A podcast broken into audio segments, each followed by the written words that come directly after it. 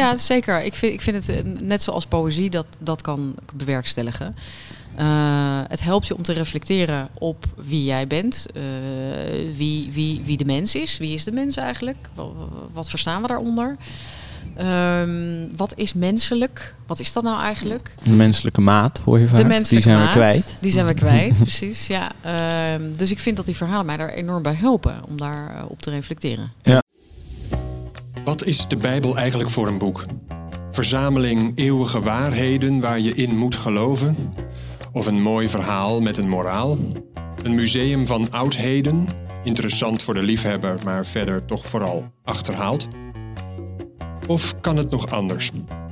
In deze podcast ga ik in gesprek met theologen die die Bijbel zo gek nog niet vinden. Zij nemen ons mee door een tekst met een frisse, vrolijk, kritische blik en zoomen in op de vraag wat die vreemde tekst nu juist vandaag te zeggen heeft. Mijn naam is Marco Visser, vaste co-host is Rob Itman. Leuk dat je luistert naar de podcast De Nieuwe Bijbelschool.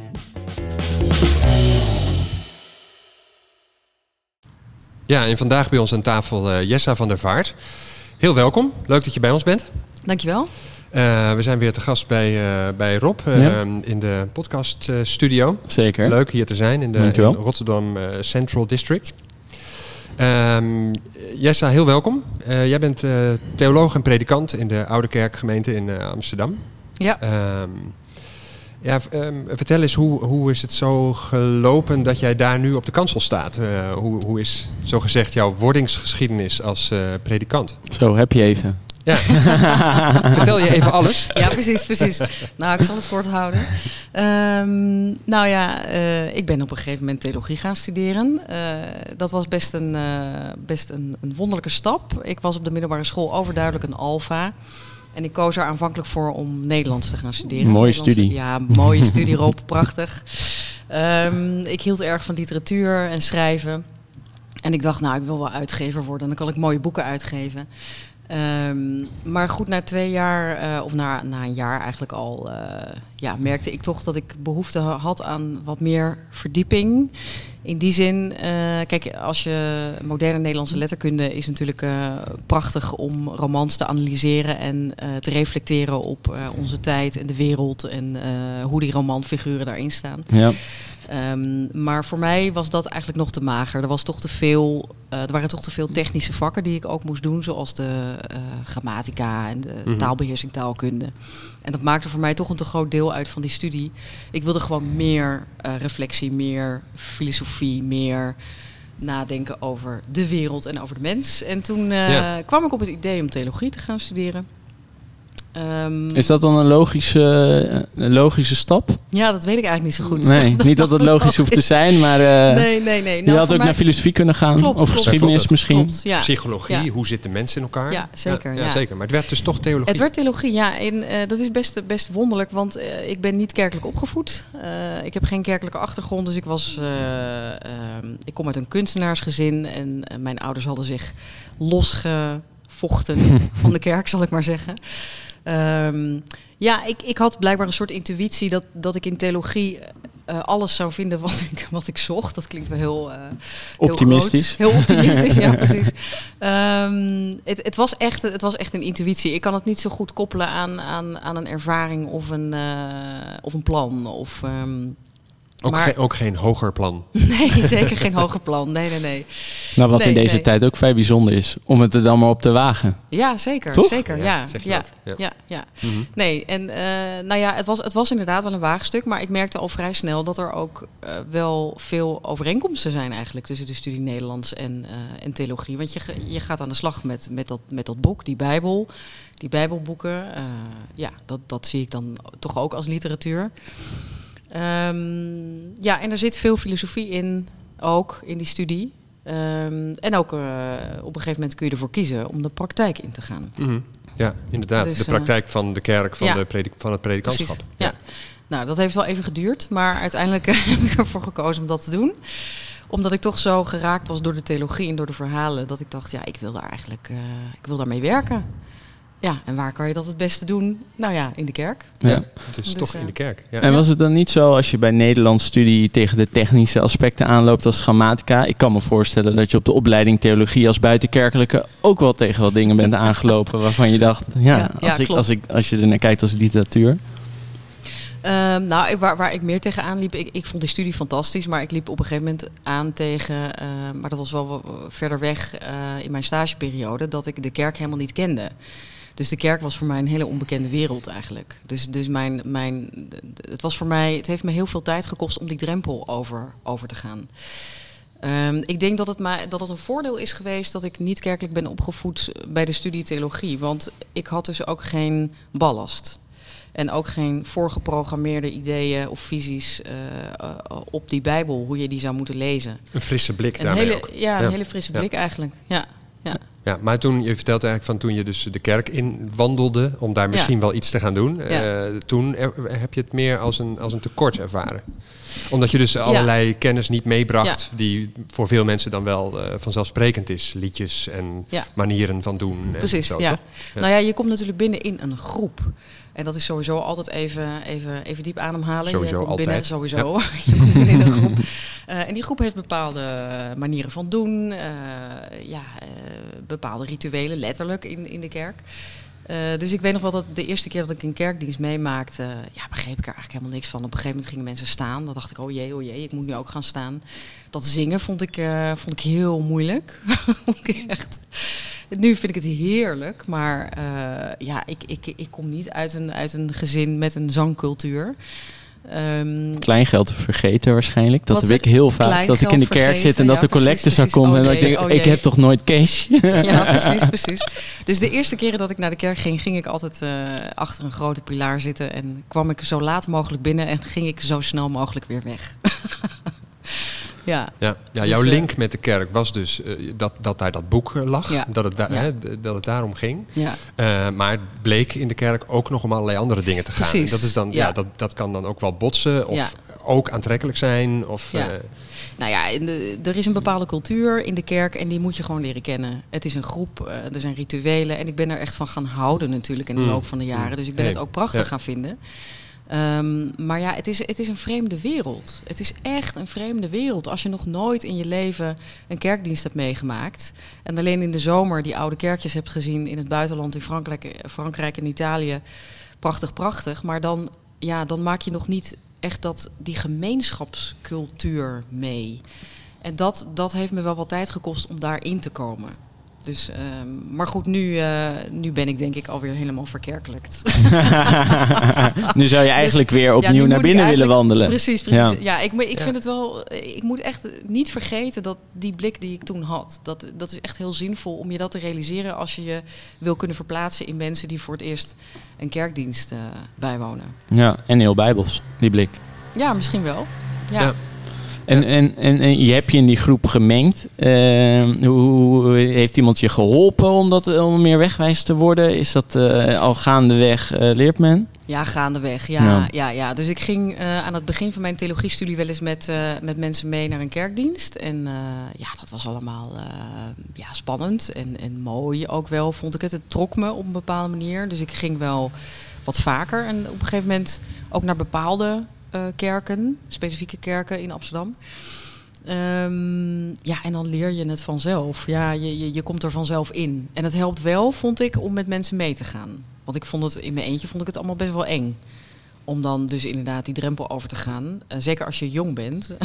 De gemiddelde leeftijd in kerken is over het algemeen vrij hoog. Dus als er dan een jong iemand binnenstapt dan hebben mensen meteen zoiets van, oh, uh, jong iemand, er komt een jong iemand. Ja, dat is mijn ervaring ook.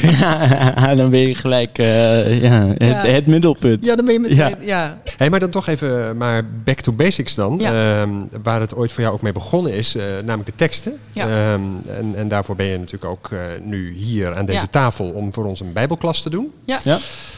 Um, welke tekst heb je meegenomen?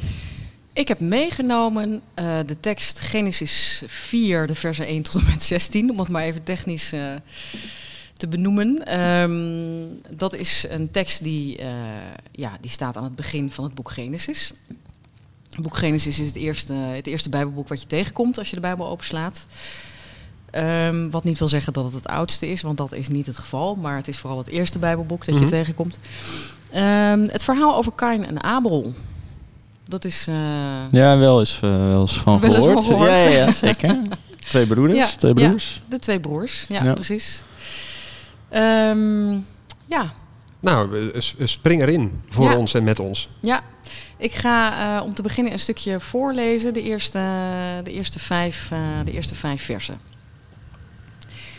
De mens bekende Eva zijn vrouw.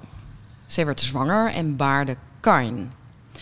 Zij zei, voortgebracht heb ik een man met de Heer. Zij ging voort met baren, zijn broeder Abel. Abel werd hoeder van kleinvee, Kain werd bewerker van de akker. Na verloop van dagen gebeurde het dat Kain van de vrucht van de akker een gave bracht aan de Heer. En Abel, ook hij bracht eer en van de eerstelingen van zijn kleinvee van hun vetdelen. De Heer keek naar Abel en zijn gave. Naar Kain en zijn gave keek hij niet. Toen werd Kain toornig en boog zijn aangezicht neer. Ja, ik denk nu eigenlijk, eh, misschien eh, zou, ik, zou ik moeten doorgaan naar het, het hoogtepunt van het verhaal, naar waar het allemaal om draait. Zal ik dat toch maar even doen? Ja, wat je wil, zeker. Dan sla ik, eh, nou, omdat het natuurlijk, dat, dat is het cruciale, het punt waar het om draait in het verhaal, is de doodslag. Ja. Dus dat zal ik ook even lezen. Dat is een stukje verder, vanaf vers 8. Ehm, lees ik nog een klein stukje. Toen zij op het veld waren, gebeurde het. Karn stond op tegen Abel, zijn broeder, en doodde hem. De Heer zei tot Karn: Waar is Abel, je broeder? Hij zei: Weet ik niet. Ben ik mijn broeders hoeder? Nou, tot zover even. Mhm. Want dat is waar het, eh, waar het allemaal om draait. Hè? waar het ook allemaal helemaal misgaat, Waar dus. het ook allemaal Ja. helemaal misgaat in dit verhaal. Stond op tegen Abel zijn broeder en doodde hem. Precies. Zo. Ja. Heftig dat is nogal wat. Mhm. Ja, het is een heftige tekst. Ik denk eh, voor mensen die wel eens iets met de Bijbel hebben gedaan, of de kinderbijbel hebben gelezen misschien. Hoewel, dit zal niet direct in de kinderbijbel, dit verhaal over doodslag. Maar het is wel een redelijk bekend verhaal in de, in de traditie. Ehm, en waar het allemaal om draait is inderdaad die, die doodslag. Maar ehm, interessant is wat daaraan vooraf gaat. Want als je dat verhaal zo leest, dan heb je niet meteen de indruk dat daar nou een hele eh, ja, directe aanleiding voor is. Mhm. Ehm, dus ehm, daarom wil ik even nu focussen op het begin van het verhaal. Ja, want ik ben Eh, wel benieuwd hoe je hier nou mee aan de slag gaat. Want ook in de taal, het is niet, eh, niet alledaags als ik, eh, als ik dat lees. Ja. dus zou fijn zijn, want ik zie ook bijvoorbeeld de mens, bekende Eva zijn vrouw. Ja, Denk ik, nou, de mens is nogal eh, ja een ruim begrip. een ruim begin. En waar is Adam precies. gebleven? Ja, precies. Dat is, dat is hem. Dat is hem. Maar dat is dus, dit is eigenlijk de vertaling van Adam. Adam staat, dat is het woord dat er in het Hebreeuws staat. Mhm. En eh, de vertaling daarvan is mens. Ehm, Dus niet zozeer een man. Nee, Oh, nee, nou, nee. nee. dat heb Dus- ik toch altijd gehoord. Ja, ja, ja, Een precies. man en een vrouw, Ja, ja. ja. Nou ja, i- het, het- uiteindelijk eh, komt het er wel op neer dat het gaat om een man en een vrouw. Maar het is juist zo mooi in dit verhaal, vind ik, eh, dat er ook een beetje van geabstraheerd wordt. Zodat je niet twee specifieke figuren voor je gaat zien, twee poppetjes. Maar het gaat ook echt over de mens. Dus het gaat over eh, de condition humaine, zou je kunnen zeggen. Daar gaat het ook echt over in die beginverhalen eh, in het boek Genesis. En ik denk ook in dit verhaal, ehm, waar, eh waar Kain zijn broer doodslaat. eh, dat is een heel metaforisch verhaal, een heel symbolisch verhaal over wat er gebeurt tussen de mens en zijn broeder. Wat er Mhm. elke dag gebeurt. Maar als je zegt, het gaat over de, hè, de, de, de staat van de mens, wie de mens eigenlijk is, de Ja. condition humaine, dan is dit wel een heel heftig verhaal. Want dan is dus de, de, de uitspraak van dit hele hoofdstuk is eigenlijk, ja, wie is nou die mens? Dat is dus er een die zijn broer doodslaat. Of, Ja, of eh, ja. zo? Ja? Ja? Oké. Ja? ja, maar ik denk ook dat dat zo is. Ik bedoel, eh, niet, niet, niet in, in, in de harde letterlijke zin. Kijk, ik heb ooit eens over deze tekst gepreekt eh, in het kader van het gebod: Gij zult niet doden. Dat is een, ook een heel bekend gebod uh, uit de tien geboden. En ik, ik ben toen begonnen met te zeggen van ja, gij zult niet doden, dat is nogal een no-brainer. Dat weten we toch allemaal, Ja, dat doen we toch? niet. Ja, Ja. dat doen we niet, hè? Daar zijn we Mhm. beschaafde mensen. Daar heb ik geen Bijbel voor nodig. Nee, daar heb je geen Bijbel voor nodig. Nee. Ja. Ehm, maar ehm, ja, eh, eh, aan de andere kant eh, k- ja, eh, kwam het wel, vond ik, wel weer wat dichterbij in die coronacrisis. Eh, op een hele spanningsvolle manier ook wel. Want toen werden we ineens dragers, potentiële dragers van een virus. En, en potentieel ook mensen die door bij een ander in de nabijheid te komen... inderdaad iets zouden kunnen overdragen Ja. wat die ander kon doden. Eh, daar gaat het denk ik niet zo over in dit verhaal. Ehm, ik denk dat je. eh, maar dan is het denk ik goed eh, om wat specifieker naar die tekst te gaan kijken. Ik denk wel dat je met deze tekst ehm, een idee krijgt van hoe we andere mensen misschien iets meer ook in metaforische zin kunnen doden. Eh, dus niet door iemand letterlijk dood te slaan, maar misschien ook wel door mensen over het hoofd te zien, bijvoorbeeld. Oh ja. Dus, ehm, ehm, en daarvoor moeten we echt even naar het begin, naar het begin van de tekst. Want Ja. wat, wat heel opvallend daarin is, ehm, dat begint inderdaad zoals jij zegt met de mens bekende Eva, zijn vrouw. Zij werd zwanger en baarde Kain. En vervolgens roept zij, voortgebracht heb ik een man tezamen met de Heer.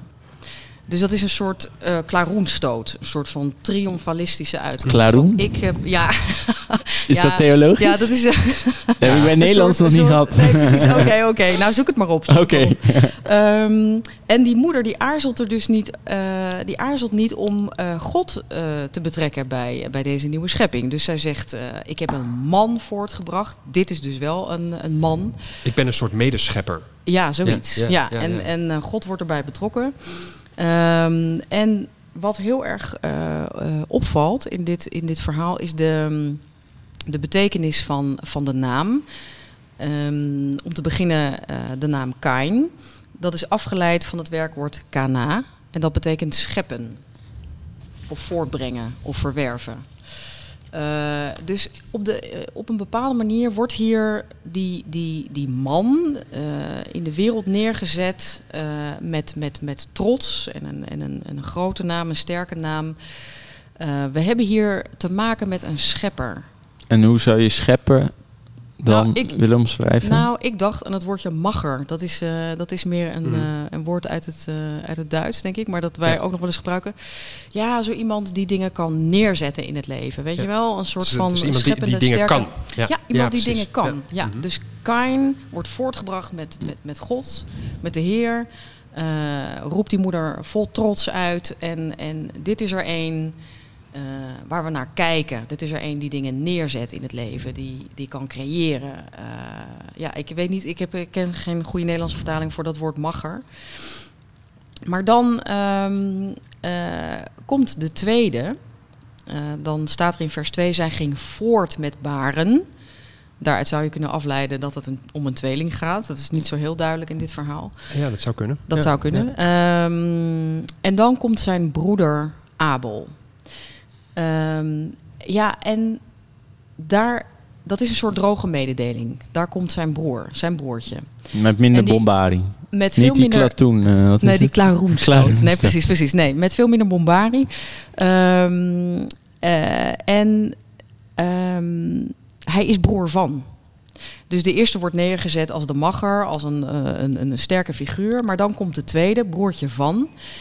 En dan zijn naam, Abel. In het Hebreeuws spreek je dat geloof ik uit als Hebel eigenlijk. En dat betekent lucht, ademtocht, zuchtje. Dus niet in de zin van adem die leven geeft, maar echt iets dat vervliegt. Een soort iets wa- wat ijl is. Ja. Wat gewoon, wat, wat ook heel kwetsbaar. eh, dus die tweede zoon. Dus we het hebben- tegenover van, eh van Kain. ja, dus we hebben één, we hebben de eerste zoon die wordt neergezet, neergezet als de magger, de schepper. Ja. Eh, sterke figuur. En dan komt de tweede zoon, broer van. En die wordt neergezet als eh, vluchtig. Als wind die verwaait. Als eh, niksig eigenlijk. Ja.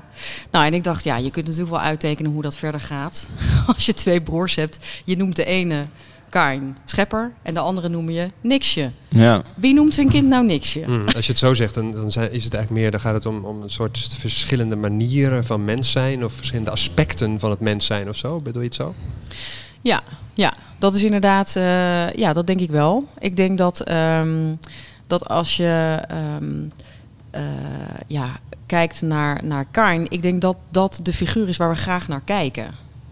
Eh, zeker in onze huidige cultuur. Die Dus we zelf ook willen zijn? Ja, dat, dat denk ik wel. Ja, Mhm, iemand, mhm. die, iemand die schept, die creëert, die dingen neerzet. Die, da- dan denk ik ook meteen aan succesvol is, die Ja. dingen kan bereiken. Maar die dat dus ook in zijn vermogen heeft, die dat in zijn macht heeft om dat ook te kunnen. Ja.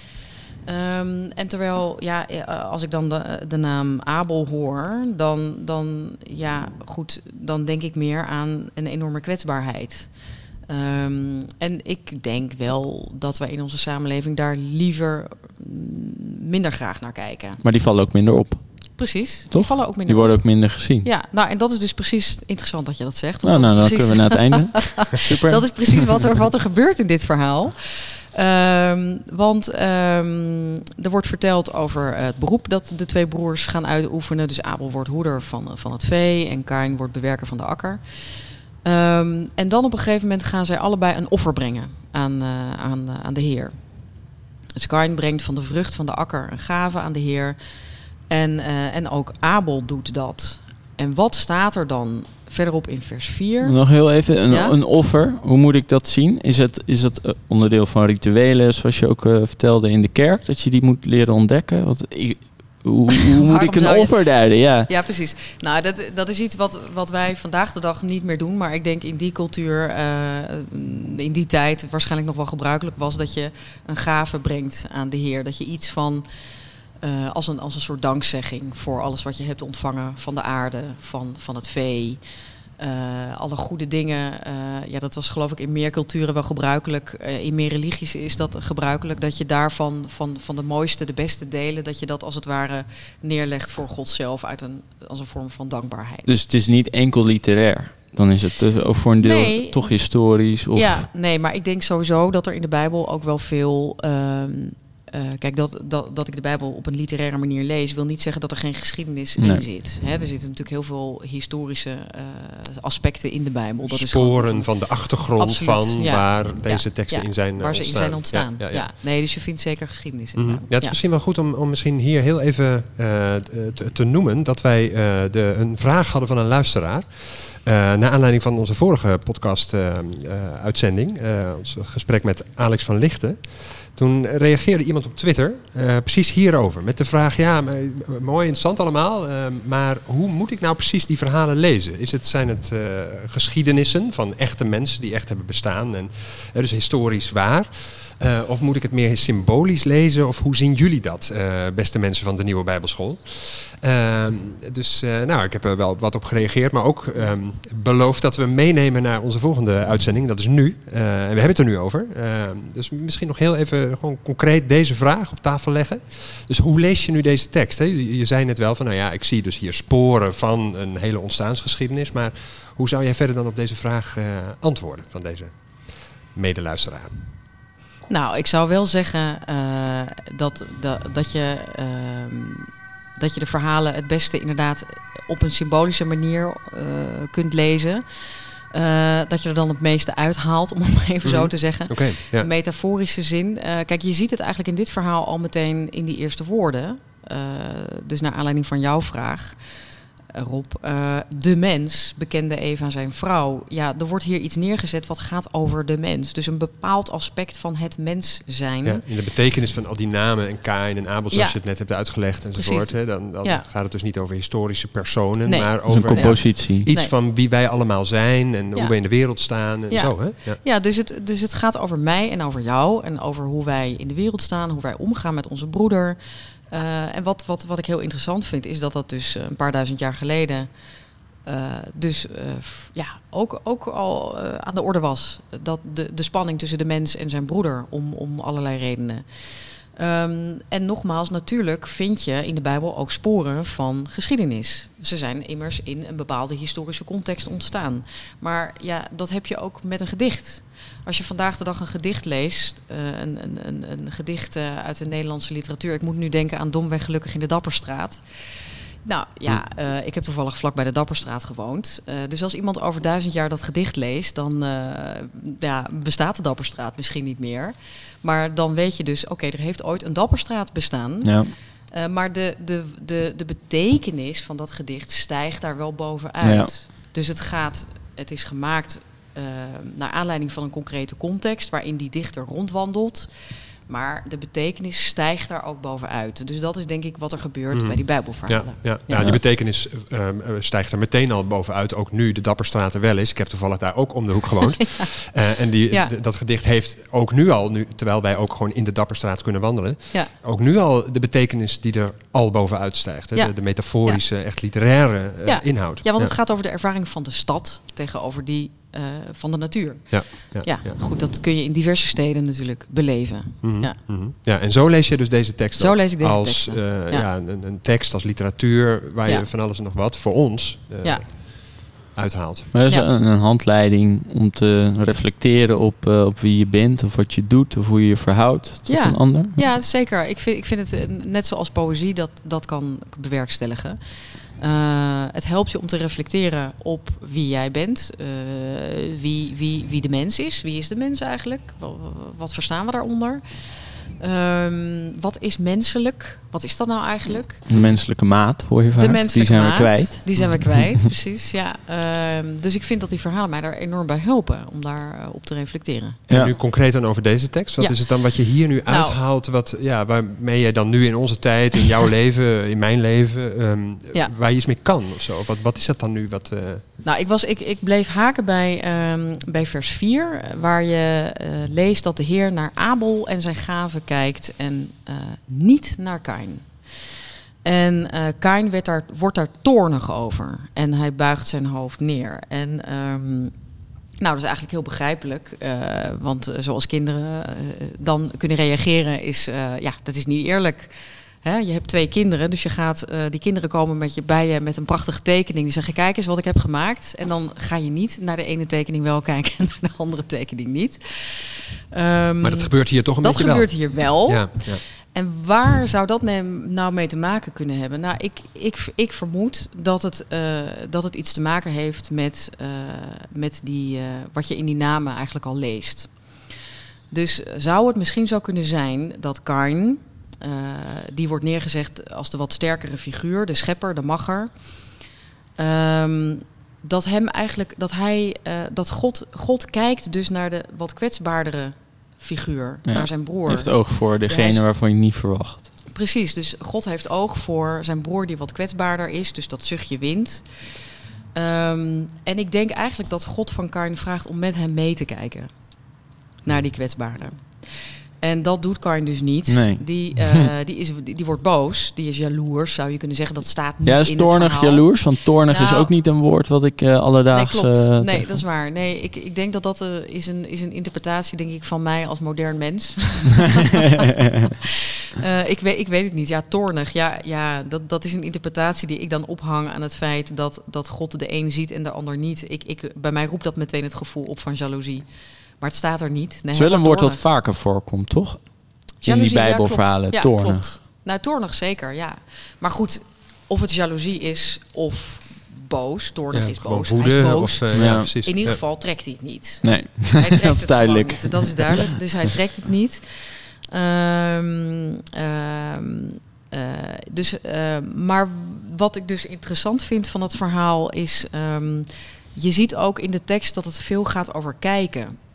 Dus de Heer kijkt naar Abel en zijn gaven. Naar Karn kijkt hij niet.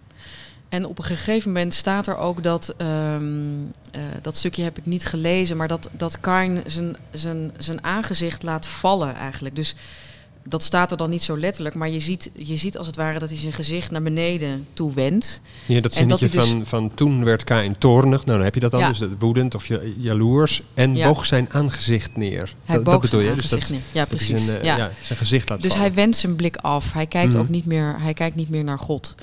En eh, ja, dat gebeurt natuurlijk. Dat is heel menselijk. Ik bedoel, als ik spanningen ervaar met iemand, dan vind ik het ook moeilijk om die persoon aan te kijken. En hier vind ik het zo interessant dat het dus gaat over God. Dus hij, hij wil ook eigenlijk God niet meer aankijken. Alsof het een ander mens is, Ja. eigenlijk. Hè? Dus alsof die God ook als een soort mens hierin verschijnt.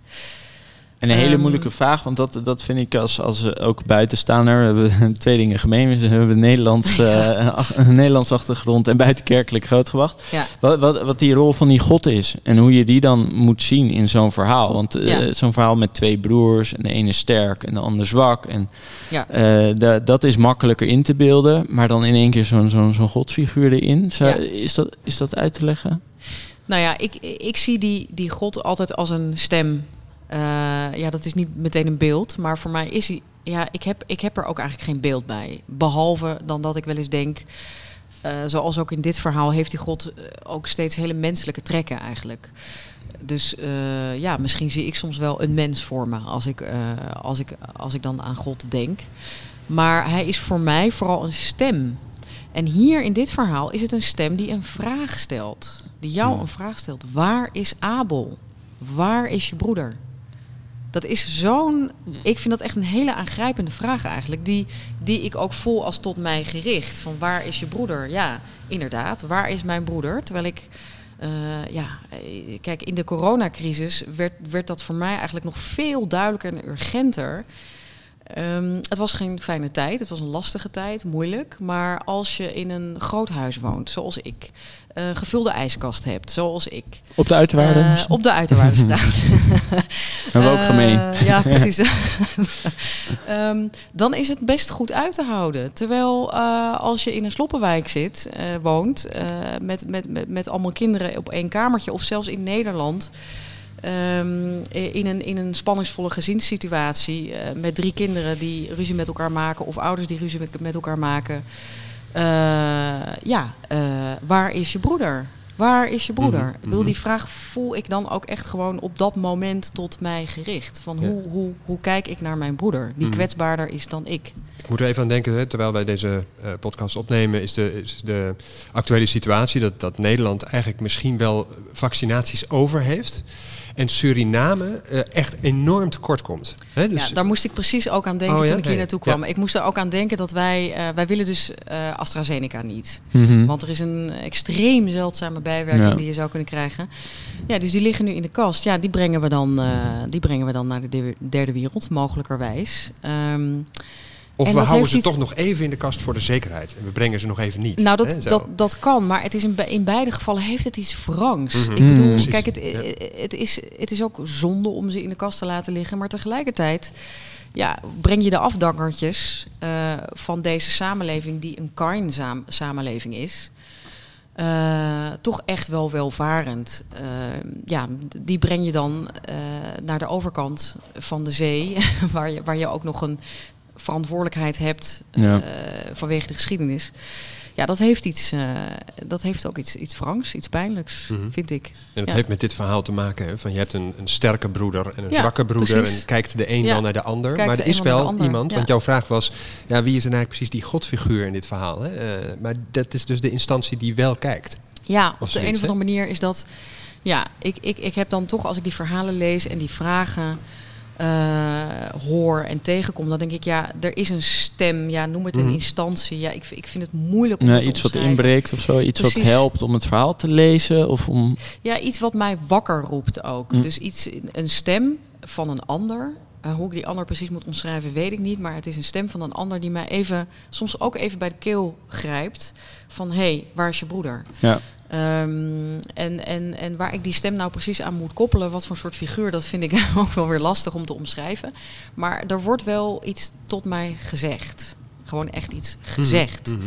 Of gevraagd. Ja, ja gevraagd. Hè? Dat, Gevraagd dat, dat zei je net en dat, eh, Ja. dat, dat sprak me eigenlijk erg aan. Omdat dus die God hier niet optreedt en zegt van nou, nu zal ik even zeggen hoe het zit. Nee, nee, nee. Maar die dus begint echt met een vraag te Ja, stellen. Waar Echt is Abel? Waar, is je broer? Ja, Waar is je broer? Aangrijpend eigenlijk. Hè? Echt veel een sterker, hele aangrijpende vraag, ja. ja, veel sterker dan wanneer het een statement zou zijn geweest. Precies. Hè? Ja. Ja. Mhm. Ja. Hij vult het ook niet in, hè? dus er wordt ook niet ingevuld. Nou, ik heb gezien dat je je broer eh, hebt gedood. Eh, het lijkt me geen goed idee. Nee, dus in die zin eh, ja, vind, vind ik dit een heel eh, een verhaal wat eigenlijk voor mij ook door die hele coronacrisis nog weer veel actueler is geworden ehm, in zijn zeggingskracht dan het daarvoor eh, al was. Mhm. Ja, heel mooi. Zeg zeer bedankt ehm, voor eh, nou, het eh, naar voren brengen van deze vragende stem. En voor ons bij de hand nemen door deze tekst heen. Ehm dankjewel voor hier zijn. Eh, en als je nu als luisteraar eh, dit meemaakt en er iets van vindt, als je misschien een vraag hebt of eh, je wilt iets met ons delen, dan eh, laat ons maar weten. Dan eh, nemen we het misschien wel mee in onze volgende uitzending. Eh dankjewel voor nu. Graag gedaan. Tot de volgende. Tot de volgende.